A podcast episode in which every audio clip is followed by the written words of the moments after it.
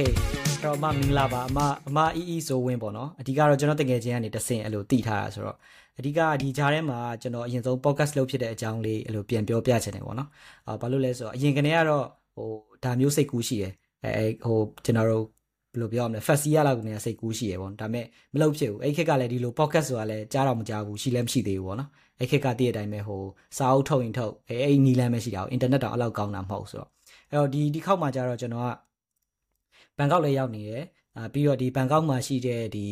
ဟိုလူငယ်တွေလည်းအကုန်လုံးကဒီဘက်ကိုလာတက်နေကြပြီပေါ့နော်။ကြောင်အရင်တော့မဟုတ်တော့ဘူးပေါ့နော်။ဒီရှိသမျှအကုန်လုံးကဒီအနီးဆုံးဘန်ကောက်ကိုလာတက်ကြတယ်။ဒါပေမဲ့အဲ့နောက်ထပ်ဒီကျွန်တော်တွေးကြည့်ရတော့နောက်ထပ်3နှစ်4နှစ်လောက်ကြာရင်တို့ကအကြောင်းနေပြီးကြတော့မယ်။ အဲ့ကြအလုပ်တွေရှာရတော့မယ်ပေါ့နော်။အဲ့တော့မြန်မာနိုင်ငံပြန်ရှာရလူလည်းရှင်းရှိမယ်။ဘန်ကောက်ကနေပြီးတစ်စင်တခြားဘန်ကောက်မှာလည်းရှာရင်ရှာမယ်တခြားနေရာမှာလည်းရှာမယ်ပေါ့နော်။အဲ့လိုအဲ့လိုမျိုးပြဿနာတွေအတွက်ဒီ podcast တွေကအဲ့လို experience ဖြစ်အောင်လို့ကျွန်တော်က career ရော lifestyle ရောအဲ့ဒါလေးကျွန်တော်ကဟိုမေးသွားမှာပေါ့နော်။အဲ့တော့အမအမရောလက်ရှိအမရဲ့အကြောင်းလေးနည်းနည်းပြောပြပေးပါလားအမလက်ရှိဘာလုပ်နေလဲပေါ့ Okay ဟုတ်ပထမဆုံးပေါ့နော် Bachelor မြန်မာနိုင်ငံမှာလည်း Bachelor တက်တယ်ပြီး Civil နဲ့ပေါ်ရပြီးတော့အမ အာ Norway ကပေးတဲ့ scholarship နဲ့ AIT မှာ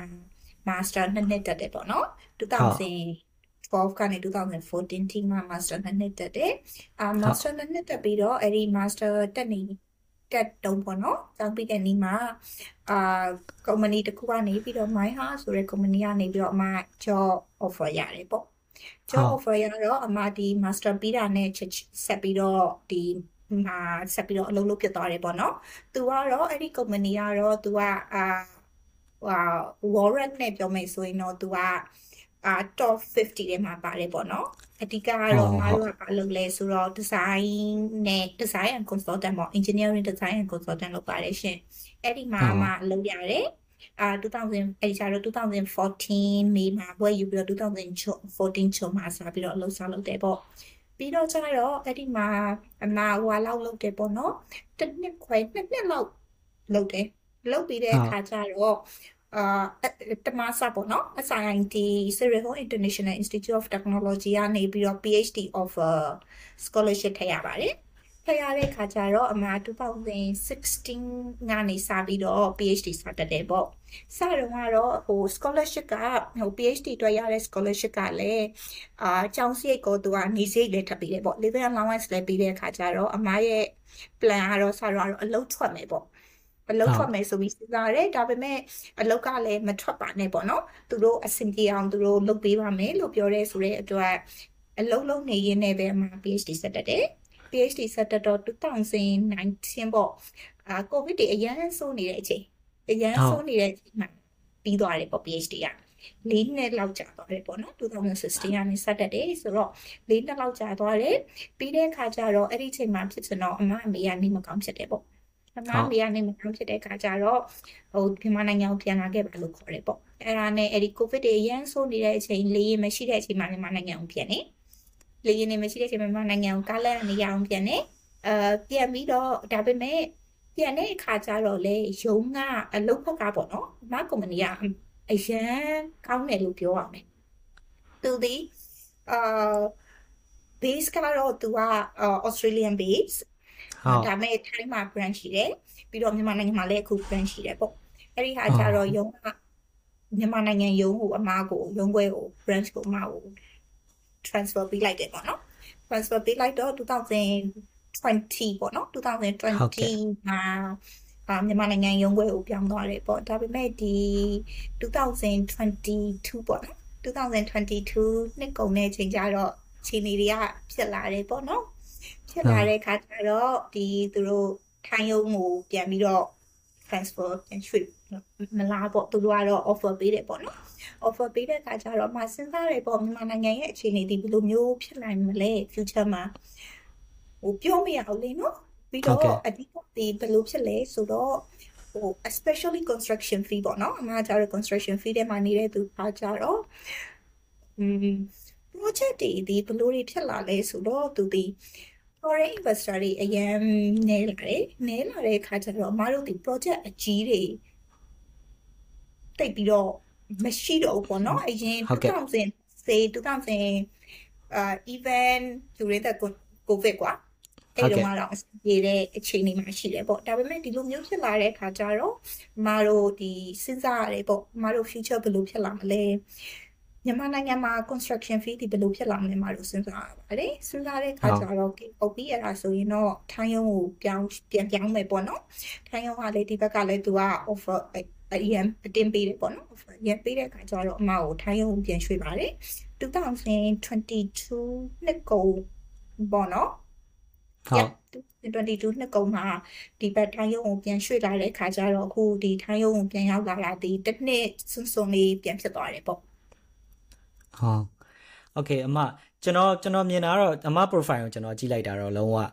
ယ်လိုပြောရမလဲ ကျွန်တော်တို့မဖြစ်နိုင်တဲ့ဟာပေါ့နော်ဘာလို့ဆိုတော့ကျွန်တော်ကတည့်တဲ့အတိုင်းပဲ engineer ဘက်ကလည်းမဟုတ်ဘူးကျွန်တော် marketing နဲ့ technology ဘက်ကလာတယ်ပေါ့နော်ဒါပေမဲ့အမကိုအဲ့လိုအန်အောတာအဲ့ company မှာလုံးဝ6နှစ်နဲ့6လ6လဆိုတဲ့ဟာကိုလေကျွန်တော်ကကြည့်ပြီးတော့တင်မှာလန့်သွားအဲ့လောက်အကြာကြီးလုပ်တယ်ဆိုတာဟိုခံမှန်းလို့ရတယ်ကွာကုမ္ပဏီတစ်ခုဘယ်လောက်ကောင်းလဲဆိုကျွန်တော်အရင်တော့ ID engineer လုပ်ခဲ့တဲ့အဲ့ဟိုကုမ္ပဏီတစ်ခုဆိုလို့ရှိရင်ကျွန်တော်၄နှစ်လောက်လုပ်ခဲ့ရအောင်ပျော်တယ်အရင်သိမလားဒါတော့မှမထွက်ချင်ဘူးကွာဒါပေမဲ့ကိုယ့်ရဲ့ဟိုအတွက်အမဆို6နှစ်ဆိုရင်ကွာဒါဆိုအများကြီးတွေးကြည့်လို့ရပါဘောနော်ဒါပေမဲ့ဟိုကျွန်တော်တို့ကြတော့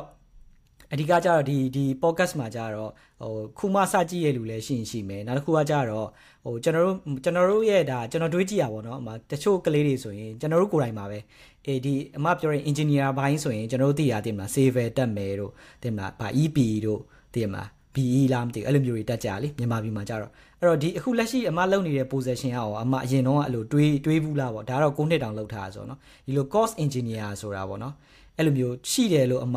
သိလားဒါမှမဟုတ်လို့ရှိရင်ဟိုအရင်တော့အကြောင်းတက်တုံးကအခြေအနေနဲ့အဲ့လိုခုလက်ရှိအခြေအနေနဲ့အဲ့လိုနည်းနည်းလေးပြောပြပေးပါလားဒီ position နဲ့ပတ်သက်ပြီးတော့ Okay so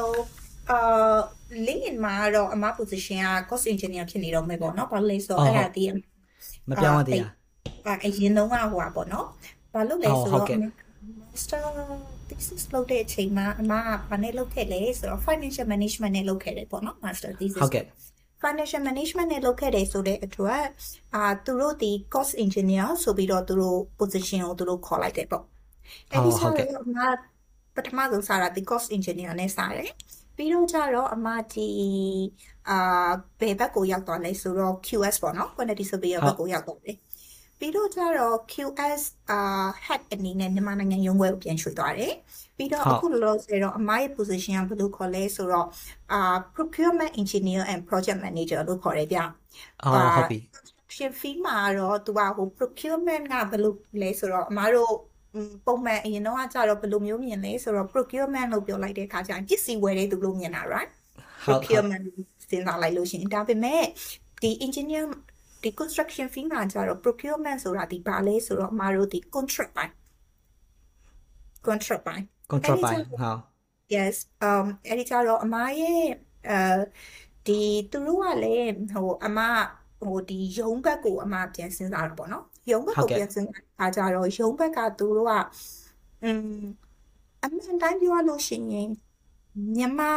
တွေဒီမညံ့မညံ့ဟုတ်ကဲ့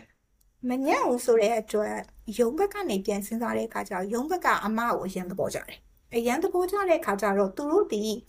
အာပြီးတော့အဓိကကအမရဲ့ဘွဲအနေနဲ့သူတို့စဉ်းစားတယ်ပေါ့နော်သူတို့ဘွဲအနေနဲ့စဉ်းစားတဲ့အခါကျတော့သူတို့ဒီအမ်အမကိုတော့ယုံနေရအောင်သူတို့ပေးလို့မရဘူးပေးလို့မရဘူးဆိုတဲ့အတွက်သူတို့ဒီဘာလုပ်ပေးရလဲဆိုတော့အမကို department တက်တက်တစ်ခုခွဲထုတ်ပေးလိုက်ရတယ် department တက်တက်တစ်ခုခွဲထုတ်ပေးလိုက်ရတယ်ဆိုတဲ့အတွက်အရင်တော့ဆိုလို့ရှိရင်အမတို့ဒီ procurement ဒီဘေဘူကကန်လဲဆိုတော့ project manager ကကန်တယ်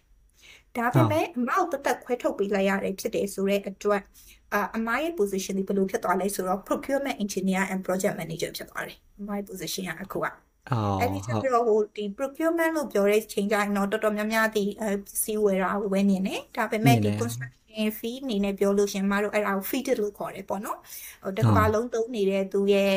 အာ construction contract type တွေရှိတယ်ပေါ့အဲ့ဒီမှာအမတို့အာဒီအမရဲ့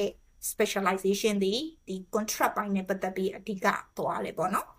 အော်ဟုတ် ဟုတ်အဲ့ဒီဆိုရင်အမအမပြောပြမှပဲဒီ construction နဲ့ပတ်သက်တာတွေသိရပါတော့เนาะအဲ့တော့ပြီးတော့လူငယ်အများစုကဗျာ ခုနပြောသလိုပဲသူတို့ကအရှိကိုမမြင်ကြတာမမြင်ကြတာဆိုတာလေအရှိမှာဘာ position တွေရှိလဲတင်မှာဘယ်လိုမျိုးတွေလုပ်လို့ရလဲဆိုတော့မမြင်ကြဘူးเนาะအဲ့တော့ဒီအမကျွမ်းကျင်တဲ့ဒီအပိုင်းထဲမှာပေါ့เนาะဟိုမှာခုမှစပြီးတော့ကျောင်းတက်နေတယ်အခု maybe ဟိုတချို့ university တွေမှာဆိုရင် civil engineer တွေပါရှိမှာပဲလေ civil နဲ့ပတ်သက်တဲ့ဟာရှိနေမှာအဲ့တော့အဲ့ဒါပြီးရင်ဘာဆက်လုပ်ပြီးရင်တော့ဘာလုပ်တင်လဲအရှိမှာဘာ company ရှိလဲဘယ်လို position ရှိလဲအဲ့လိုမျိုးရောအမတီးသက်လောက်လေးပြောပြလို့ရလား Okay. Uh let's say uh အမကတော့ super background နဲ့ဆိုတော့အမ super background ပြောမယ်ပေါ့နော်ဟုတ်ကဲ့ဟုတ် super background နဲ့တွားတဲ့ခါကျတော့အာကလေးတော်တော်များများဒီဟိုကလေးဆိုတာဒီចောင်းသားတော်တော်များများဒီကျောင်းပေါ့သားနော်တော်တော်ဟုတ်ကဲ့ចောင်းသားတော်တော်များများဒီအမတို့အာ structure engineer ဘိုင်းကိုလိုက်တယ်ပေါ့ဟုတ်အမလေးစတော့ကတော့အာဒီအာ AID အတွက်မှာ scholarship ရတဲ့အချိန်မှာမှာ structure နဲ့ရတာပါဒါပေမဲ့အာတကယ် လုံးကြည့်လိုက်တဲ့အခါကျတော့ပေါ့နော်တကယ်တကယ်အမ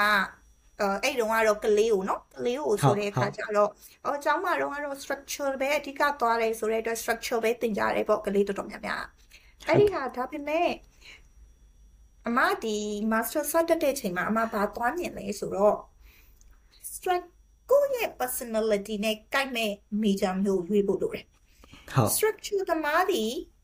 ကွန်ပျူတာနဲ့ကိုယ်နဲ့ပဲရှိတာ အရှင်းဆုံးပြောရလို့ရှိရင်ကွန်ပျူတာပေါ်မှာ run မဲ့ဒါပဲဟုတ်ဒါပေမဲ့အမရဲ့ personality ကကြတော့အမကကြတော့ဗာလဲဆိုလူတွေနဲ့စကားပြောရတာကြိုက်တယ်ကြိုက်တယ်လူတွေနဲ့စကားပြောရတာကြိုက်တယ်ဆိုတဲ့အတွက်ကွန်ပျူတာနဲ့ကိုယ်နဲ့ပဲမလုပ်ချင်ဘူးပေါ့နော်အခုအမယူထားတဲ့ construction management fee ကြတော့အကုန်လုံးနဲ့ပြောရတယ်ပေါ့အကုန်လုံးနဲ့ပြောရတယ်အကုန်လုံးနဲ့ပြောရတယ်ဆိုတဲ့အတွက်ဟိုအမလည်းပြောတယ်ပေါ့အမလောက်ရတာအမပြောတယ်ဟုတ်ဟို တချို့ကျတော့လေဟိုလူတစ်ယောက်နဲ့တစ်ယောက်နဲ့ကတော့ personality မတူ attitude မတူအဲ့ဒါဆိုတဲ့အတွက်တချို့လူတွေကကြတော့လေอืมတချို့ကြောင်သားတွေပေါ့နော်တချို့လူငယ်တွေကြတော့လေသူတို့ဒီကွန်ပျူတာပဲနဲ့ပဲလောက်ရတာပြောတယ်ကိုယ့်ကိုယ်ပိုင်တာပြောတယ်ဆိုလို့ရှိရင်တော့အဲ့ဒီဘိုင်းကိုသွားပေါ့နော် social back ကိုသွားဟုတ်သွား designer ဘိုင်းကိုသွားမဟုတ်ဘူးကိုဒီဘယ်ကို plan စင်တာလဲကိုဒီဘယ်ကိုသွားစင်တာလဲအာ management level ကိုသွားစင်တာလား management level ကိုသွားစင်နေဆိုလို့ရှိရင်တော့အာဒီ construction management ဘိုင်းကိုယူတာကတော့ပိုးပြီးတော့အာရှေ့ကိုတွားတယ်ပေါ့နော်လူတော်တော်များများနဲ့အမတို့ဆက်သွယ်ရတယ်စကားပြောရတာကြိုက်တယ်ဆိုလို့ရှိရင်တော့ construction management fee ကိုယူတာကအဆင်ပြေနိုင်ပါတယ်မဟုတ်ဘူးဟုတ်ဟိုကနဲ့ကိုပဲနေချင်နေဆိုရင်တော့ဟို design ပေါ့နော် design ကအများကြီးရှိတာဟုတ်ကွာ design ကတော့ဟုတ်ကဲ့အာ structure designer လုံးမလား အဲအဲဘယ် design ပိုင်းသွားချင်လဲ design တွေရတယ် geo တက်သွားချင်လား design တွေကအများကြီးရှိတာဟုတ်အဲ့ဒီ designer ဘိုင်းကိုလုပ်လဲရတယ်ပေါ့နော်အဲ့ဒါကတော့ကိုယ်ဒီကိုယ့်ရဲ့ကိုယ့်ကိုပြန်နေပေါ့ကိုယ့် personality ပါလေကိုအေးစစ်စစ်ပဲနေချင်တဲ့ဘယ်သူနဲ့မှစကားမပြောချင်ဘူးဆိုလို့ရှိရင် designer ဘိုင်းကိုတော့ပါမဟုတ်ဘူးကိုကဆိုလို့ရှိရင်တော့ project man လူနဲ့ဆက်သွယ်ရတာကြိုက်တယ်ဆိုရင်တော့ project management ဘိုင်းကိုတော့ပေါ့နော် project management မှာမှာအမတို့အနှစ်ပိုင်းရှိသေးတယ် project manager နဲ့ construction manager ဆိုပြီးနှစ်ခုရှိသေးတယ် project manager ကကြတော့အမတို့ကကြတော့ um head office မှာထိုင်နေပြီးလို့ရှိရင်အာဒီအာ manage လုပ်တဲ့ဟာလူတွေနဲ့ coordination လုပ်တဲ့ဘာလို့အမတို့ကပို့ပြီးတော့ပါတယ်ပေါ့ CM construction manager ကတော့သူဒီဘာအနေနဲ့သွားလဲဆိုတော့သူကကြတော့ site ရဲ့ daily daily problem တွေကို daily issue တွေကို on the spot ဖြေရှင်းတယ် အဲ့ဒါကြတော့ construction management ဘိုင်းကိုသွားတဲ့သူလည်းရှိတယ်ပေါ့ဒါပေမဲ့ main ကလေးတော်တော်များများကြတော့ construction manager လုပ်ရတာမချက်ဘူးအရှင်ဆုံးပြောရလို့ရှိရင်လေဘာကြောင့်စိုက်လဲထဲဆိုတော့သွားလို့ဒါတော့အာလူတွေလည်းစုံနေပြီးတော့ကြတော့အာတချို့ဟို worker တွေကကြတော့လေ main ကလေးဆိုရင်မလီးစားဘူးဆိုတဲ့ဟာကအနည်းနဲ့အများရှိတယ်ကွာအနည်းနဲ့အများရှိတယ်အဲ့ဒါဆိုတော့အဲ့ဒီတစ်ခုကိုတော့နည်းနည်းလေးစဉ်းစားဖို့လိုတယ်အာ ကိုဒီ CM ဘိုင်းလုပ်နိုင်မှာပြီးတော့အရှင်းဆုံးပြောရရင် site ထိုင်နေသူဒီပြင်မနေဟို construction ဆိုတဲ့သဘောကကွာစဉ်းစားကြည့်လိုက်လို့ရှိရင်တစ်ခါတချို့ site တွေဆိုလို့ရှိရင်ဘာမှမရှိဘူးလေ right ဘာမှမရှိဘူးလေ facility မှမရှိတယ်လေရတယ်သူအဲ့ဒါဆိုတဲ့အတွက်အာ CM လောက်ဖို့ကြတော့ main ကလေးတချို့ကနည်းနည်းစဉ်းစားတယ်ပေါ့ပြီးတော့အာ CM တမားတွေဒီဟို construction manager တမားတွေဒီ account ဒီ positive side ကနေစဉ်းစားမယ်ဆိုရင်တော့ CM တမားတွေဒီအရန်ကျင်ညာရတယ်အရန်နားလေစာဆုံးစာဆုံးတေချာလိုက်ကြည့်ပြီးလောက်ရဆိုဘာကြောင့်လဲဆိုတော့သူဒီပြဿနာတွေအကုန်လုံးကိုနေ့တိုင်းညင်နေတယ်နေ့တိုင်းဖြေရှင်းရတယ်အဲ့ဒါဆိုတဲ့အတွက် CMD ပညာအရင်ရတယ်မြာဆိုပါစို့ကိုဒီအမ်ကိုကိုရဲ့ရီမန်းချက်ဒီတကယ်လို့အာ ကိုဘိုင် company ဖွင့်ချင်တာကိုဘိုင် construction company ဖွင့်ချင်တဲ့သူမျိုးဆိုရင် CM တမားတီပညာရတယ် CM ကဘယ်အစားလဲဆိုတော့ site engineer ဆိုတယ်ပေါ့နော်ဝင်ချင်းကတော့ site engineer ရမယ်ပေါ့ site engineer ကနေသွားပေါ့အဲ့ဒါဆိုလို့ရှိရင်တော့သူတို့ဒီ contractor လုပ်မယ်ဆိုလို့ရှိရင်အဲ့ဒီဟာဒီ5 year လောက်ဆိုရင်အကုန်ကျွမ်းကျွမ်းကျင်ကျင်သိတော့ပြီအဲ့ဒီကြတော့ကိုဘေး line ကိုသွားချင်တယ်ပေါ့နော် ဟိုဒီ struct designer သမားတွေကလည်းအလုံးမဟုတ်ဘူးဟို company ထောင်လို့မရအောင်မဟုတ်ပါဘူးဒါသူတို့ကသူတို့ဟို structure firm တွေထောင်ထားတဲ့သူတွေအများကြီးရှိတယ်မှာတငယ်ချင်းတွေလည်းမှာဘာလို့လဲဆိုတော့ structure designer သမားတွေသူပိုင်းနေဆိုတဲ့အတွက်ဘေးနေရာမှာပဲဖြစ်ဖြစ်ကွန်ပျူတာတစ်လုံးရှိလို့ရှိရင်အလုံးလုံးလောက်လို့ရလို့ရတယ်အလုပ်လုပ်လို့ရနေတာပဲအဲ့ဒါဆိုတဲ့အတွက်ဒီဇိုင်နာသမားတည်လေဒီဇိုင်နာရဲ့သူ့ရဲ့ကောင်းတဲ့ကောင်းကွက်ရှိတယ် CM သမားတည်လေသူ့ရဲ့ကောင်းကွက်ရှိတယ် ဒီ PM သမားတည်လေသူ့ရဲ့ကောင်းကွက်ရှိတယ်အဲ့ဒီကျတော့ကိုနဲ့ဘေးဟာဒီကြိုက်မလဲဆိုတာပေါ့ရွေးချယ်တယ်လို့ယူဆတယ်အမတီအာပထမဆုံးအလုပ်တည်အရေးကြီးပါတယ်ပထမဆုံးအလုပ်တည်အရေးကြီးပါတယ်ကိုကိုဘယ်ဖီကိုဝင်ချင်တာလဲဆိုတာကိုငယ်တုန်းငယ်တုန်းစဉ်းစားရတာလေနော်အသက်ကြီးလာမှ ဟို experience 10နှစ်15နှစ်ရှိလာတော့မှတခြား fee ကိုပြောင်းဖို့ဆိုရင်ကြာတော်တော်လေး risky ဖြစ်သွားပြီကိုအဲ့တခုတော့စဉ်းစားရတယ်အဲ့တော့ပထမဆုံးဟိုအလောက်ကရေးကြီးရဲဆိုတာအမှဒီဒေးထပ်ပြီးတော့တည်ကျင်တာဟိုအမှတခုလူတွေလူတိုင်းပြောကြပါတယ်အမှလည်းကြားဘူးမှာပေါ့တချို့ coach တွေပါဆိုတထေးကိုရွေးရမှာလားဥမာကုမ္ပဏီရွေးရမှာလားသူ့ရဲ့ fee နဲ့တကယ်လောက်ရတဲ့အတုံးချလို့ရမယ့်နေရာကိုရွေးရလားပေါ့တော့အမှဆိုရင်ဘယ်ဘယ်ဟာမျိုးပြောချင်တာလဲပေါ့ um အာအမအမရဲ့ uh only my opinion အမအမရဲ့အမြင်ကိုပြောရမယ်ဆိုလို့ရှိရင်တော့အာအမတော့ကုမ္ပဏီကိုရွေးပါတယ်ဟိုဒီအမဒီကျောင်းပြီးတဲ့အခါမှာအမ job offer ၄ခုတစ်ပြိုင်နေရတယ်ပေါ့ job offer ၄ခုတစ်ပြိုင်နေရတဲ့အချိန်ကအမစဉ်းစားတယ်ပေါ့ကဲဘယ်ကုမ္ပဏီကတော့ငါ့အတွက်အာငါနဲ့ match အဖြစ်ဆုံးဖြစ်မလဲပေါ့ အဲ့လိုမျိုးစဉ်းစားလိုက်တဲ့ခါကျတော့အမနောက်ဆုံးဒီ company ကိုရွေးပြသွားတယ်ပေါ့။ဘာကြောင့်လဲဆိုတော့အမခုနကတော့ပြောတယ်အမရဲ့ master ဒီအမဒီဘယ်မှာလုပ်ခဲ့လဲဆိုတော့ financial management မှာလုပ်ခဲ့တယ်။ပြီးတော့ကျတော့အမရဲ့ target ဒီလဲ project management project management ဖြစ်တယ်ဆိုတဲ့အတွက် project management အဓိကဖြစ်မဲ့ company ဒီပါလေ။အဲ့ဒါယူပါတယ်။အမရတဲ့အလုပ်လေးကမှတခြား အားဒီကြတော့သူကပါလဲဆိုတော့ contractor ဘိုင်းလို့ပြောရမယ်ပေါ့နော်တကယ်စောက်တဲ့သူကွာသိလားတကယ်စောက်တဲ့စောက်တဲ့သူဆိုတဲ့အတွက်ဟို management ဒီအရေးကြီးမဟုတ်ဘူးအရေးကြီးတယ်ဒါပေမဲ့အမကဘာဖြစ်ချင်တာလဲဆိုအမ consultant ဖြစ်ချင်တာ consultant ဖြစ်ချင်တယ်ဆိုတဲ့အတွက်အမဒီအမ company ကိုအမယူလိုက်တာပါဒီ company ကိုအမယူလိုက်တယ်ပေါ့ဟာအဲ့ဆိုအမအဲ့ကနေက consultant ဟိုဖြစ်ချင်တာပေါ့အဲ့လိုလားအမရဲ့အဲ့လိုရွေးရွေးကနေကအဲ့လိုရွေးကနေကရွေးကနေက consultant ဖြစ်ချင်တာအမဟိုဟုတ်ဟုတ် အာဖီတစ်ခုမှလာပြီးတော့လူတိုင်းကွန်ဆိုလာလောက်ရတဲ့သူမျိုးဖြစ်ချင်တယ်ကွာသိလားဟုတ်အဲ့အဲ့ဒါအားကြောကြောင့်င့်ဒီ project management လုပ်နိုင်တဲ့ဒီ company ကိုရွေးလိုက်တာပေါ့နော်အဲအဲ့လိုမျိုးဆုံးဖြတ်လိုက်တာပေါ့နော်ဟုတ်ဟုတ်အာမိုက်တယ်အဲ့တော့အခုအခုထားပါတော့တချို့ကကြတော့အမရေကွန်ပျူတာနဲ့အလုပ်လုပ်ရကြိုက်တယ်အမပြောတဲ့စကားပဲပေါ့နော်တချို့ကကြတော့အဲ့လိုမဟုတ်လူတွေနဲ့စကားပြောရတာကြိုက်တယ်ပေါ့နော်အဲ့ဟာကိုအမဘယ်လိုတွေးရှိသွားလဲကိုကိုကိုပေါ့အမကအခု master တက်နေနေအဲ့အမျိုးတွေးတာမလား အဲ့တော့ဘယ်လိုဘယ်လိုတွေးရှိသွားလဲအမရဲ့ဟိုတွေးရှိချက်ပေါ့အမ်ဆဆချင်းတော့ကတော့ဟိုအရှင်းအမှန်တိုင်းပြောရမယ်ဆိုရင်ပေါ့နော်ဟုတ်မတို့ဟိုဒီမှာမြန်မာနိုင်ငံမှာတော့ bachelor တက်တယ် right ဒီမြန်မာနိုင်ငံမှာ bachelor တက်တော့ကသူဒီဒီ construction management နဲ့ပတ်သက်ပြီးတော့အမားတို့အများကြီးမသင်ခဲ့ရဘူးအများကြီးမသင်ခဲ့ရဘူးပြီးတော့ဟိုလူတိုင်းအမြင်မှာပါလဲဆိုတော့ engineer ဒီတွက်တာပဲ engineer ဒီတွက်တာပဲအဲ့ဒါပဲတော်ပြီးမြင်တာဘူးเนาะအဲ့ဒါဆိုတော့အမလည်းမသိခဲ့ဘူးအရှင်းဆုံးပြောရလို့ရှိရင်ဒီ construction management ဘယ်လောက်ထိအရေးကြီးလဲဆိုတော့အမမသိခဲ့ဘူးဒါပေမဲ့အမဒီဒီ BB ရောက်လာတယ် master စတက်တယ်ပေါ့ master စတက်ပြီးတော့ပြီးတဲ့အချိန်မှာအမဒီ orientation တွေလိုက်တက်တယ်ပေါ့ orientation တွေလိုက်တက်တယ်လိုက်တက်တဲ့အခါကျတော့အာ okay ငါရဲ့ဒီရှေ့ရေးဒီဘယ်လိုဖြစ်လာမှာလဲ ရှေ့ရေးဒီဘယ်လိုဖြစ်လာမှာလဲစတော့ကတော့ all structure ပဲ designer ပဲလုပ်မှာငါကအဲ့လိုမျိုးပဲတွေးခဲ့တာဒါပေမဲ့တကယ်တကယ်တကယ်တကယ်စဉ်းစားကြည့်လိုက်တဲ့အချိန်ကြတော့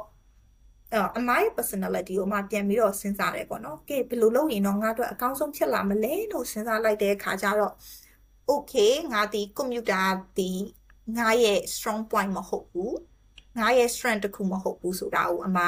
မြင်သွားတယ်။ပြီးတော့အခုနောက်ပိုင်းကကျတော့ဘယ်လိုတွေဖြစ်လာလဲဆိုတော့ဒီ designer software တွေဒီအအရန်ကိုတိုးတက်လာတယ်။အရှင်းဆုံးပြောရလို့ရှိရင်အရန်ကိုတိုးတက်လာတဲ့ designer software တွေဒီအဲ့လိုဆိုတဲ့အတွက်ဟိုတဖြည်းဖြည်းနဲ့ပေါ့နော်အာတဖြည်းဖြည်းနဲ့ဒီ designer တွေဒီဟို architect ကိုမပြောဘူးเนาะအမ architect ကိုမပြောဘူးเนาะဟို designer တွေဒီသူတို့ဒီ တဖြည်း computer ကိုအရန်ကို rely လုပ်လာတဲ့အခြေအနေကိုရောက်လာတယ်အဲ့လိုမျိုးဖြစ်လာတဲ့ခါကျတော့အမရဲ့ strength ဒီအဲ့ဒါမဟုတ်ဘူးလို့အမထင်တယ်ပေါ့အမရဲ့ strength ကိုအမရအောင်ရှာတယ်ပေါ့အမ strength ကိုရှာလိုက်တော့လူတွေနဲ့စကားပြောရတယ်ပေါ့ okay အဲ့ဒါပေါ့ ဟာမိုက်တယ်ဟိုဘာလို့ဆိုတော့တချို့ကကျတော့ကိုကိုကိုကိုမသိတာမှာရဲ့တည်ရမှာကြောင်းတက်နေနေလဲဟိုအပေါင်းအသင်းများတယ်ဆိုတကယ်တမ်းသူကတကယ် communication ကောင်းတယ်လို့ပါအဲ့လိုမျိုးသတ်မှတ်လို့ရတာလေတည်ရမှာအဲသူတို့ကမသိကြဘူးဒီတိုင်းပဲနေကြတယ်အဲကြောင်းပြီးတော့လဲဟိုကဖြစ်တယ်ပေါ့အဲ့တော့ခုနပြောတဲ့အမပြောတဲ့အချက်တည်းမှာ orientation ဆိုတာဘယ်က orientation တက်တာမှာကြောင်းက orientation နေလားကြောင်း orientation တွေကိုမှလိုက်တက်တယ်ဗျဩအဲ့မှာပို့ပြီးတော့အမဟိုဘယ်လိုပြောရမလဲအခုခေတ်စကားနဲ့ဆိုအလင်းပွင့်သွားတာပေါ့နော်အဲ့လိုပြောမှာပေါ့ဟုတ်ပဲဗျာတော့ဟုတ်ပဲအလင်း ဖြစ်သွားတာဆိုတော့ဆိုတော့ဟိုစရုံကတော့ကျွန်တော်တို့ကများများဟိုလိုက်ပြီးတော့သိရမလားဟိုကဖြစ်မှရမယ်ဆိုတဲ့သဘောပေါ့နော်ကိုကိုကိုပို့ပြီးသိဖို့ဘာဖြစ်ချင်လဲဆိုတော့ဘာဖြစ်ချင်လဲပေါ့နော်ကိုရဲ့อืมကိုရဲ့ပတ်ဝန်းကျင်ပေါ့နော်ကိုရဲ့ networking ကိုကောင်းကောင်းသိဖို့လိုတယ်ပြီးတော့ဘယ်ဘယ်သူဒီကိုအတွက် mentor ဖြစ်လာမှလဲပေါ့နော် mentor က mentorship ကောင်းကောင်းပေးနိုင်မဲ့သူမျိုးကို ရှာဖို့လိုတယ်လို့ထင်တယ်အမအမြင်ဟုတ်ဟုတ်အခုအခုကရောအမအရင်ခေတ်ကတော့အမရဲ့ mentor ရှားတယ်အခုဒါပါတော့ covid နောက် covid မတိုင်ခင်လောက်မှာတော့ mentorship program တွေပါလည်းရှိရပေါ့နော်အဲ့တော့ဒီဒီနောက်ပိုင်းမှာရောဘယ်မှာ mentor ရှာရမလဲပေါ့တကယ်လို့ကိုကအကြောင်းတက်နေတဲ့ကျောင်းသားဆိုရင်ရောအမဘယ်လိုအကြံပေးခြင်းလဲပေါ့ mentor ဆိုတာကလေအာဟုတ်ဝဲဒီအများကြီးရထားမှာမဟုတ်ဘူးလို့အမအမြင်ပါ မဟုတ်ကဲ့ပြောလို့ရှင်တော့ဘွေးတွေအများကြီးရထားဖို့မလို့မလို့ဒါပေမဲ့ဟို mentorship ကောင်းကောင်းပေးနိုင်တဲ့သူဆိုတာကကြတော့ဟိုအမကဆိုတော့အမ very lucky လို့အမကိုအမယူဆတယ်ပေါ့နော်အမဘေးနေရာကိုတော့တော့အမလူကောင်းတဲ့အမြဲတမ်းတွေ့တယ်လူကောင်းတဲ့အမြဲတမ်းတွေ့တယ်အာဒီချောင်းတက်တော့လေအမကို mentor ကောင်း mentorship ကောင်းကောင်းပေးနိုင်မဲ့ advisor တွေနဲ့တွေ့ခဲ့တယ် အလုပ်ထဲဝင်တော့လေအမအောင် mentorship ကောင်းကောင်းပေးနိုင်မဲ့ဆရာတွေနဲ့တွေ့တယ်အဲ့လိုဆိုတော့အခါကျတော့ဟိုဒီသူများတွေနဲ့ရှာစားလို့ရှင်ကိုကရှေ့ကိုရောက်သွားတယ်ပေါ့နော်ရှေ့ကိုရောက်သွားတယ်ပေါ့ဟိုကိုကလည်းကိုလိုက်လို့နေရတဲ့စားလို့ရှင်လေဒီ mentor တယောက်ကိုရှာဖို့ဆိုတာကကြတော့အာကိုရဲ့ um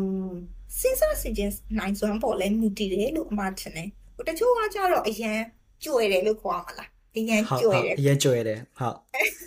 အရန်ကြွယ်တယ်ကွာအဲ့လိုလူမျိုးတွေရှိတယ်ပေါ့နော်ဒါပေမဲ့အဲ့လိုလူမျိုးတိုင်းဒီမကောင်းပါလေ right မကောင်းပါလေဆိုရင်တော့ကိုဒီ mentorship mentor ကောင်းကောင်းတယောက်ကိုလိုချင်နေဆိုလို့ရှိရင်အပထမဆုံးဖြစ်ရမှာဒီအမအမမြင်တယ်ကို စီမှာကိုယ့်ရဲ့ဝေဖန်ပိုင်းခြားနိုင်ဆိုတာဘယ်လောက်ရှိလဲပေါ့မူတည်ပြီးတော့ဒီတယောက်ဒီ mental ကောင်းတယောက်ဖြစ်နိုင်လားမဖြစ်နိုင်ဘူးလားဆိုတာကအဲ့ဒီပေါ်မှာစကားပြောသွားတယ်လို့ထင်တယ်ပေါ့နော်ပြီးတော့ကိုယ့်ကိုဝေဖန်ပိုင်းခြားနိုင်စွမ်းရှိဖို့ဆိုတာကလည်းอืมနေကျင်ညာခြင်းဖြစ်လာတယ်မဟုတ်ဘူးကွာနေကျင်ညာခြင်းဖြစ်လာတယ်မဟုတ်ဘူးကိုအများကြီးဟိုဒီอืม sorry အများကြီးဖတ်ဖို့လိုတယ်လို့မှမြင်တယ်ပေါ့ ဟုတ်ဇာတ်ဖက်ရမယ်အတွေ့အကြုံတွေအများကြီးရှိရမယ်အဲ့ဒါမှလည်းဟိုကြုံပါဘူးဘယ်သူမှဆိုတည့်တဲ့အတိုင်းပဲချက်ချင်းမန်တာကောင်းကောင်းတော့တွေ့မှာတော့မဟုတ်ဟုတ်တယ်မလားဒါတော့ကြိတ်သေးဟုတ်တယ်ဟုတ်တယ်အမအရန်ကန်ကောင်းတယ်အမလေအမအရန်ကန်ကောင်းတယ်ဟိုဘယ်နေရာကိုသွားသွားလူကောင်းနဲ့တွေ့တယ်ပေါ့နော်လူကောင်းနဲ့တွေ့တယ်ဒါဒီအာအချောင်းတက်တော့လည်းအာအမအဖိုက်စာအရန်ကောင်းတယ် ပြီးတော့ကျတော့ဒီအလုံးရောက်တဲ့ခါကျတော့လေအလုံးကဟိုကအရန်ကောင်းတယ်ဟိုအကုန်လုံးကဟိုဘယ်လိုမျိုးအဆင်ပြေအောင်လုပ်ပြရမလဲပေါ့နော်အမဘယ်လိုမျိုးအဆင်ပြေအောင်လုပ်ပြရမလဲပေါ့စဉ်းစားကြည့်ကွာ PhD တက်နေတာကွာဟိုအမစကရရှင်နဲ့အမအလုပ်ထွက်မယ်လို့ပြောပြောတယ်ငါမလုပ်တော့ဘူးငါ scholarship ကအကုန်ပေးတယ်ငါ့ကိုငါမလုပ်တော့ဘူးဆိုတာလေ ဟုတ်ဘူးလို့ငါတို့အဆင်ပြေအောင်လုပ်ပေးမှာအဲ့ဆိုတော့ဟိုဘယ်လောက်ထိကောင်းလဲပေါ့နော်အဲ့ဒါတွေကြောင့်လည်း တွေး အ ကြည့် မ လို့ရတယ် ဒီဒီမှာမြင် ဆက်လုပ် နေ ဖြစ် တာ နေတာ နော် ဟုတ် ရ ဟုတ် ရ ဟုတ် အဲ့လောက်ကြာကြီးဖြစ်သွားမယ်လို့တော့မထင်ဘူးလေ ဟုတ်တယ်ဟုတ်တယ် ဒါတော့ let's say ပထမဆုံးအလုပ်กว่าသိလားပထမဆုံးအလုပ်ကတခြားလုပ်ကုန်မကြောက်အရင်ကငါပြောနေတာဒီရော အမခုပြောနေနေတော့အဲ့လိုမြင်ရပါတယ်အမပြောနေရလေဒီမှာပဲအလုပ်လုပ်နေရဆိုတော့ strap strap မရှိတဲ့ပုံစံမျိုးကွာ AC ပဲအမပြောတာကိုလုပ်ပြီးတော့ဟိုဟာဖြစ်နေရအတိုင်းပဲအဲ့တော့အခုအခုကြတော့ကျွန်တော်သိချင်တာကြဟိုဟာပေါ့ lifestyle ပေါ့ဟိုမှာအခုဒီလိုမျိုးဟိုဒီ company ဆိုလို့ရှိရင်ဒါထိုင်းမှာလည်းအမပြောပုံအရဆိုရင်ပေါ့နော်ကျွန်တော်ပြောရင်မှားသွားရလဲရှင်းရှင်းမယ်အဲ့တော့ထိုင်း company ပုံစံမျိုးတောင်ဖြစ်နေပြီတကယ်တမ်းနိုင်ငံခြား company ပဲဒါပေမဲ့ထိုင်းမှာလည်းအခြေစိုက်ထားရပေါ့နော်အဲ့တော့အမထိုင်းမှာပဲလောက်တာများတယ်လို့ပြောလို့ရတယ်ဒီနှစ်တွေအကုန်လုံးမှာအဲ့တော့ သူတို့ရဲ့ working culture ရောဘယ်လိုနေလဲပေါ့အမနဲ့ရောဟိုဆက်စချင်းမှာအဆင်မပြေရရှိလားပြီးတော့ဘယ်လိုမျိုးဟိုပတူတာတွေမြင်ရလဲပေါ့ working culture ကတော့ဟို let's say working environment ပေါ့နော်ဟုတ်ကဲ့ um အခုအဓိကဒီอืมပထမဆုံးဒီနိုင်ငံခြား company တွေမှာအလုပ်လုပ်တော့မယ်ဆိုပထမဆုံးဂျုံရတာဒီဟိုအဓိကကတော့ဒီဒီ non English speaking country တွေပေါ့နော်အဲ့ဒီမှာဒီလုပ်နာမျိုးဆိုလို့ရှရင်ပထမဆုံးတွေ့တာဒီ language barrier ပဲ language barrier ပဲဟိုကံကောင်းတာတစ်ချက်ကတော့ထိုင်းနဲ့မြန်မာဒီဟို culturally တိတ်မကွာဘူးကွာတိလား very similar ဖြစ်တယ်အဲ့ဒါဆိုတဲ့အတွက်အဲ့ဒီမှာတော့ culture different မှာတော့အများကြီးပြဿနာမရှိပေမဲ့ language barrier မှာအများကြီးပြဿနာရှိပါတယ်အာ အမားတို့ company ဆိုလို့ရှိရင်အဓိကဆိုပါစို့နော်ဟိုနိုင်ငံသား company ဖြစ်တယ်ဆိုတဲ့အတွက်တော်တော်များများဒီ English လို့ကောင်းကောင်းပြောနိုင်တယ်ဒါပေမဲ့အမားရဲ့ position ကကြတော့တခြား company တွေနဲ့ဆက်သွယ်ရတာဘူးเนาะတခြား company တွေနဲ့ပြောတဲ့အခါကျရင်တော့အဲ့ဒီ language barrier ကတအားတအားစကားပြောတယ်ပေါ့နော် စကားပြောတယ် อืมတချို့ဟိုဟာတွေရဲ့အမြင်တချို့လူတွေကကြတော့လေ English လို့ပြောရဲဆိုရင်သူတို့ကပို့ပြီး respect တစ်ခုပေးတာရှိတယ်ဒါပေမဲ့တချို့ကြတော့လေအာဘာတွေလာပြောမှလဲငါနားမလဲ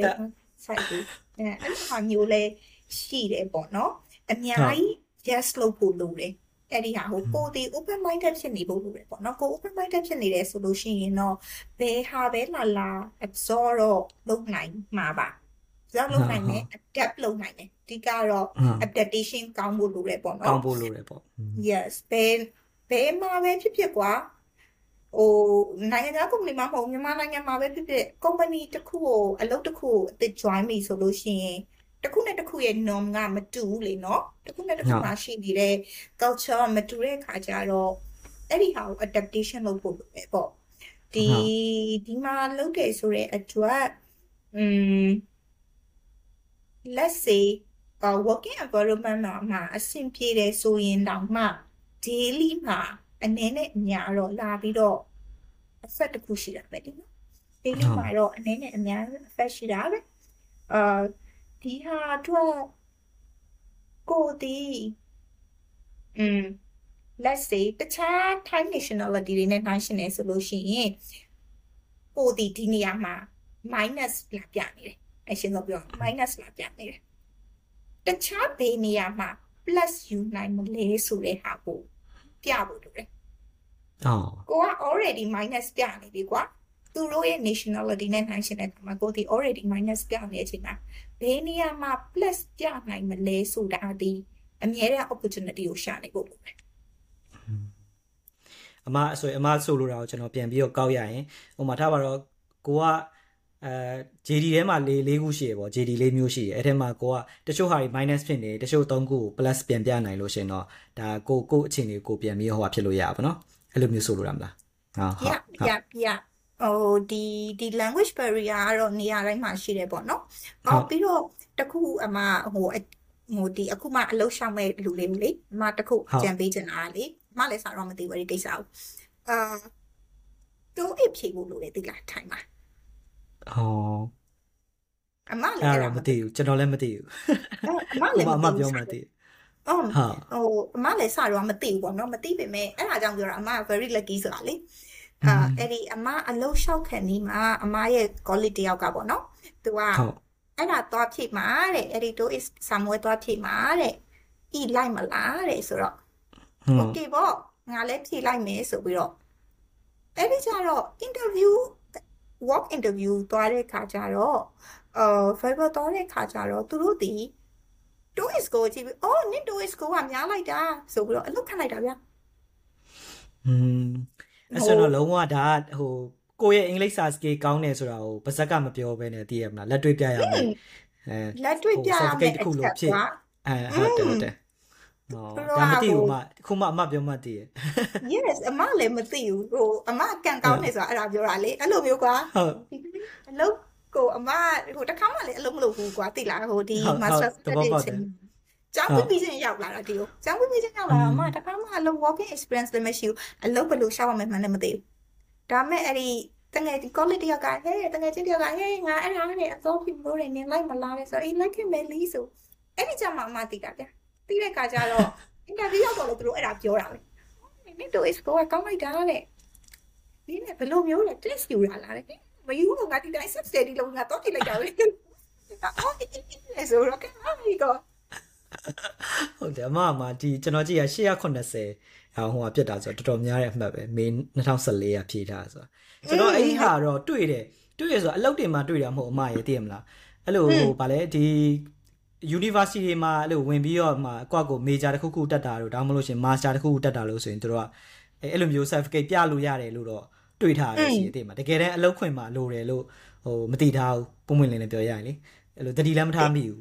ဟာဟာလေဟိုဟို Thai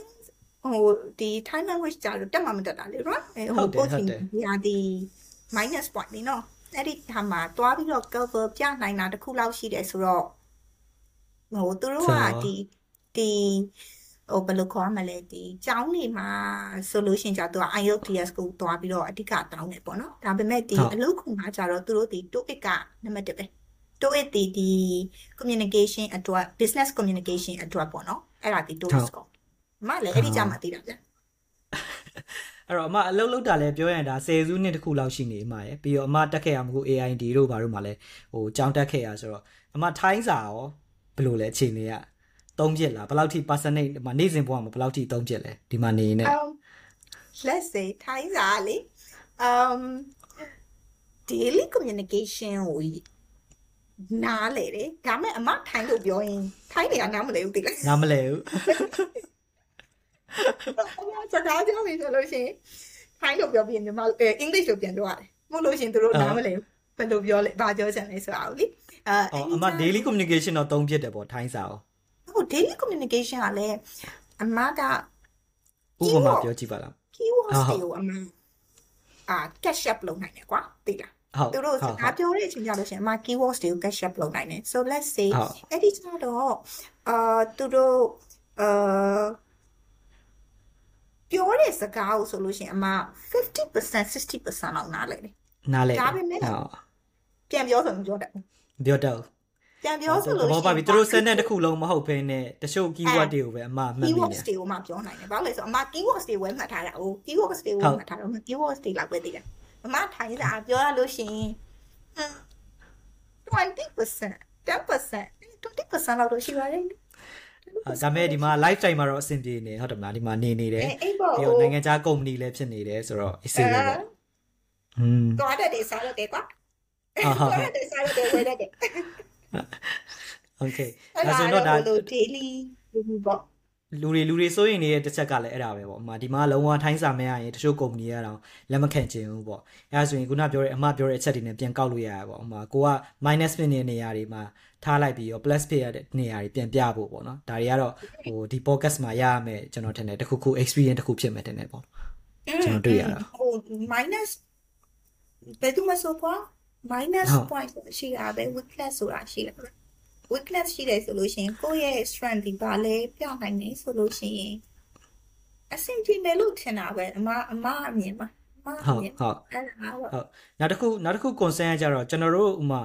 ကျွန်တော်တို့ကိုယ်တိုင်အားကိုဥမာကျွန်တော်ဆိုလဲဗျာအာပြောရရင်ရန်ကုန်မှာမွေးရမဟုတ်ဘူးနေနေမှာမွေးတာမွေးပြီးတော့ရန်ကုန်တက်လာတယ်အလုပ်လုပ်တယ်အဲ့လိုမျိုးပေါ့နော်အခုကျတော့လုံးဝရန်ကုန်မှာအဆင်မပြေလို့ဒီဘက်ထိုင်းဘက်ကိုလာပြီးတော့ဟိုဟာဖြစ်တယ်ပေါ့နော် remote လုပ်နေတယ် အဲ့တော့အဲ့အဲ့ဒီအချိန်တွေမှာကျွန်တော်တို့မြင်ရတဲ့ဟာမှာကျွန်တော်တို့ကိုယ်တိုင်ကျွန်တော်တို့ရဲ့ career ကိုကိုယ်တိုင်အရှိကိုမမြင်ရအောင်တင်မလားမကျွန်တော်တို့ဒီလောက်အများကြီးရှာဖတ်ဖြစ်တယ်ဗျာဥမာဒါပါတော့ထိုင်းမှာဆိုရင်မှာ marketing technology နဲ့ပတ်သက်တာတွေဘယ်လောက်ဖွံ့ဖြိုးနေပြီလဲဘယ်လို position တွေရှိနေပြီလဲအဲ့လိုမျိုးပဲပေါ့နော်ကျွန်တော်အခုကအဲ့လိုဟိုပညာရှင်တွေကိုစော်ကားတာမဟုတ်ပါဘူး save save အဲ့လို civil engineer တို့ဘာလို့ဆိုရင်ကျွန်တော်ငယ်ငယ်လေးနဲ့မြင်တဲ့အမြင်ကကြတော့အဲကြောင်းတက်မယ် ကြောင်းပြီးမယ်ပြီးရင် company တွေမှာအဲ့လို engineer site engineer တို့သိရမလား civil engineer တို့အမှပြောရဲခုနလိုဟို architect တွေပါဆွဲတာတို့ဒါကျွန်တော်မြင်မှုတဲ့ဟာပေါ့ပြောပြပါတော့အဲ့ဒါပြီးရင်နောက်ဆုံးအလုံးစုံဘာလို့လို့ရလဲဆိုတော့သူတို့ပုံမှန်ပုံမှန်ကိုပိုင် construction လားအဲအဲ့လိုမျိုးထောင်ကြရပေါ့နော်အဲ့အဲ့ဒီဟိုဘယ်လိုပြောမလဲဒါ typical way ကိုပဲကျွန်တော်မြင်နေရတယ်ပေါ့နော်အဲ့တော့အမှအနေနဲ့အဲ့ထက်ပို့ပြီးတော့ဟိုမြင်မြင်နိုင်အောင်ပေါ့နော်ဘာပြောလို့ရမလဲပေါ့ဒီ podcast မှာ um okay uh mm, good question no? let me think okay ဟုတ် so uh အဲ့ဒါကတော့ uh traditionally အမတို့စဉ်းစားရတယ်ပေါ့နော်ဒါပေမဲ့နေရာတိုင်းမှာသူ့ရဲ့ opportunity ဆိုတာလာတာပဲဘယ် fee ဖြစ်ဖြစ် opportunity ဆိုတာလာတာပဲအာကိုဒီခက်နဲ့မျက်ခြေမပြတ်နေဖို့လိုတယ်လို့မြင်တယ်အခုအချိန်မှာတကယ်ဟိုဟို technologically လုံးဝကွာ advance ဖြစ်လာပြီ လွန်ခဲ့တဲ့10နှစ်နဲ့အခုဒီဘာဆိုဘာမှမဆိုင်တော့တဲ့အခြေအနေအဲ့ဒါဆိုတဲ့အတွက်ကိုဒီအမြဲတမ်းအတိတ်မှာပဲနေနေလို့မရဘူးကိုကိုအမြဲတမ်း develop လို့လုံနိုင်မလဲဆိုတဲ့ဟာကိုရှာနေဖို့လိုတယ်ပေါ့နော်ကိုကိုဟုတ်ဒီဖြစ်နေမျက်ခြေမပြတ်ဖို့အတိတ်ဖြစ်နေဖို့အာမဟုတ်ဘူးဒီလိုနဲ့ပဲနေသွားမယ်ဆိုလို့ရှိရင်တော့လူဆိုတာကွာ လူတိုင်းမှာသူ့ရဲ့ limited time ကရှိပြီလားသိလား limited life span ကရှိနေပြီလားကွာအဲ့ဒါဆိုတဲ့အတွက်ကိုဒီအချင်းကိုဘလို့သုံးမှလဲပုံမူတည်ပြီးတော့ result တီကွာလာတာပဲ result တီကွာလာတာပဲအဲ့ဒါဆိုတော့อืมအာအဲ့ဒါဆိုတော့ကိုဒီခင်းနဲ့မျက်ခြေမပြတ်လိုက်ပြီးတော့ဒီ ကိုကိုအမြဲတမ်း upgrade လုပ်နေဖို့လိုတယ်ကွာဟို value added လုပ်နေဖို့လိုတယ်ကိုကိုကိုကို value added လုပ်နေတယ်ဆိုလို့ရှိရင်တစ်ချိန်ပေါက်တစ်ချိန်မှာအာ opportunity တစ်ခုပေါ်လာတဲ့အချိန်မှာကိုဒီ ready everything is ready I can just grab it အဲ့လိုမျိုးဖြစ်နေရမယ်လို့အမအမမြင်နေပေါ့နော်အာတဖြည်းဖြည်းတော့ဟိုဟုတ်အမလည်းအမှန်တိုင်းပြောရရင်တော့လွန်ခဲ့တဲ့ let's say လွန်ခဲ့တဲ့၃နှစ်လောက်ထပ်ဆိုင်ရင်တော့မှအမရဲ့ energy တွေလျော့လာပြီတဖြည်းဖြည်းနဲ့လေ let's say အာ PhD တက်နေတဲ့အချိန်ကွာ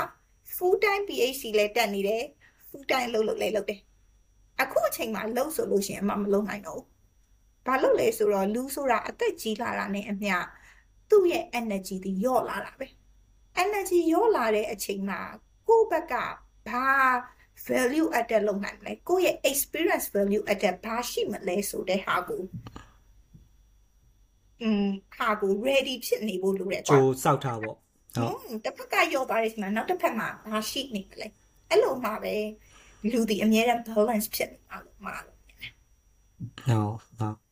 ကျေးဇူးပါအမအဲ့ဆိုရင်ခုကတော့ဒါ final round ပေါ့နော် final question ဟုတ်ကဲ့ပေါ့ပါဒါတော့ရှင် open ပေါ့အမအနေနဲ့ဒီ podcast နားထောင်နေတာအများသောအားဖြင့်ခုနလိုသူကအာ career ခုမှစတာလည်းဖြစ်နိုင်တယ်လို့ဘာမှမရွေးရသေးတဲ့ဟိုလူတွေလည်းဖြစ်မယ်ပေါ့နော်ကျွန်တော်ရဲ့ audience အများစုอ่ะပေါ့နော်အဲ့တော့အမအနေနဲ့အဲ့လိုတစ်ခုခုဗာပြောချင်တယ်ပေါ့ final အနေနဲ့ပေါ့ um final အနေနဲ့ပြောရမယ်ဆိုလို့ရှိရင်အော်ဒီ အခုမှ career ဆမယ်သူပဲဖြစ်ဖြစ်တကယ်ဟို experience နေရှိနေပြီးသားအမားတို့ထက်အမားထက်အများကြီးတော်တဲ့သူတွေလည်းအများကြီးရှိတာပဲလေနော်ဘယ်သူမဆိုပဲဖြစ်ဖြစ် um ဒီ comfort zone ထဲမှာပဲမနေပါနဲ့လို့အမြဲတမ်းကိုယ့်ကို develop ဖြစ်နေအောင် be ready ဖြစ်နေအောင်အဲ့လိုမျိုးလုပ်ဖို့လိုတယ်ပေါ့နော်အာ လောကမှာကတော့ဘယ်သူမဆိုအခက်ခဲဆိုတာတို့မှာပဲအဲ့ဒီအချိန်မှာကိုယ့်ရဲ့ resilience ဘယ်လောက်ရှိလဲပေါ့အဲ့ဒီပုံမူတည်ပြီးတော့ပဲဆုံးဖြတ်သွားတာပဲဘယ်သူမဆိုလောကမှာတော့လောကဒဏ်ဆိုတာရှိတာပဲကွာရှိတာပဲကိုဘယ်လောက်ပဲကောင်းအောင်လုပ်လို့ဘယ်လောက်ပဲကောင်းအောင်လုပ်လို့ကိုကိုယ့်ရဲ့ downfall ဆိုတာရှိတယ်ကွာသိလားအဲ့ဒီအချိန်မှာ ဘလိုမျိုးခံနိုင်ရအောင်ရှိအောင်လုပ်မလဲဆိုတဲ့ဟာကိုစဉ်းစားထားဖို့လိုတယ် do the best and hope that works okay ဟုတ်ကျေးဇူးပါအမဟုတ်ဟုတ်ဒီနေ့အများကြီးအတွေ့အကြုံလည်းရတယ်လို့အဲ့လိုအမရှိရလဲဟိုဘယ်လိုပြောမလဲခံစားရတယ်ကွာ energy တခုခုဘာလို့ကျွန်တော်ဆိုကျွန်တော်ဆိုသဘောပေါက်တယ်အရင်အလုပ်လုပ်တဲ့လူလားမလုပ်ဘူးလားဆိုစကားပြောတာ ਨੇ အဲ့လိုသိရဗျာသိရမလား အဲ့အဲ့လိုမျိုးလည်းခံစားရအဲ့တော့တခြား podcast ကြည့်နေတဲ့လူတွေလည်းကျွန်တော်တင်တယ်အဲ့လိုမျိုးခံစားရမယ်လို့တော့ကျွန်တော်ကမြင်ပါတယ်အဲ့တော့ဟိုဒီနေ့စီစဉ်ကတော့ကျွန်တော်ဒီလောက်ပဲရက်လိုက်ပါမယ်နောက်နောက်ကျရင်လည်းအမောက် invite လုပ်ပါမယ်ဒီ podcast အတွက်ထပ်ပြီးတော့တခြား topic တွေပြောလို့ရဟုတ်ဟုတ်ကျေးဇူးပါအမအတူတူပဲလုပ်လို့ရပါတယ်ကြောပါနော်ဟုတ်ကဲ့ပါအမဟုတ်ဟုတ်